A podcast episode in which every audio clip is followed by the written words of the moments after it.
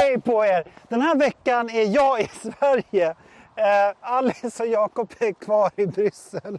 Jag hälsar på mina gamla kompisar. Ni kanske kommer ihåg vloggen jag gjorde i somras? Just det! Då träffade jag det här gänget, de är några till, eh, och berättade om eh, det här nya utskottet kring djurtransporter.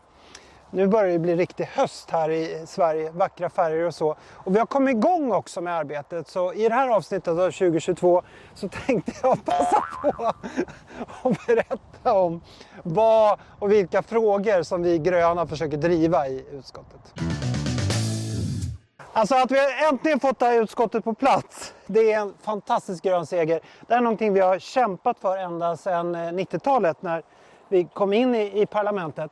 Det finns så mycket frågor att jobba med. Dels att såklart se till att det blir eh, skarpare regler och bättre förhållanden för djuren i Europa. Men också att se till att de regler som finns, nu lämnar jag den där hinken där ett tag, eh, att de regler som finns faktiskt följs upp. Det finns så mycket systemfel i hela det här sättet kring hur vi hanterar våra djur. Först kanske vi odlar, oj, här får ni inte välta omkull maten för då räcker den inte till alla. Eh, först så kanske vi eh, röjer regnskog i Latinamerika för att odla soja. Och så ska den maten transporteras hit. Och så ska djuren födas upp så snabbt som möjligt.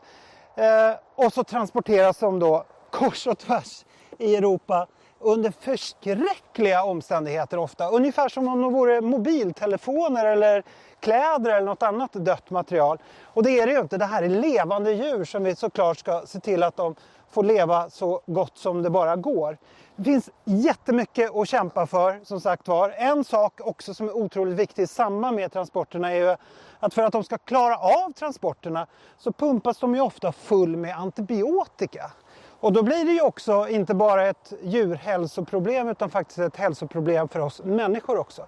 Jättemycket att kämpa med och jag är så glad att jag får den möjligheten nu under ett år framåt att jobba med de här viktiga frågorna.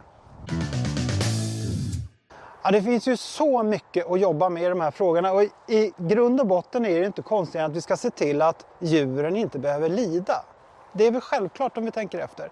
Det vi gröna vill se är ju mer småskalighet, mer närproduktion, inte de här stora, stora djuruppsättningarna som på grund av sin omfattning då hamnar i lägen där det också blir långa, långa transporter.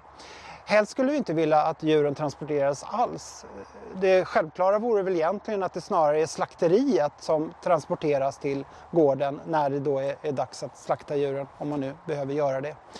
Och, eh, gäller det transporter så vill vi verkligen se generellt att inga djurtransporter blir längre än åtta timmar. Och är det just en slakt som det handlar om så ska det inte behöva vara längre än fyra timmar. Och sen givetvis synen på köttätandet i sig. Det har nästan blivit en basvara i vårt moderna samhälle och det behöver det faktiskt inte vara. Det skulle snarare kunna vara en lyxvara som vi äter någon gång då och då när vi vill just lyxa till det lite grann.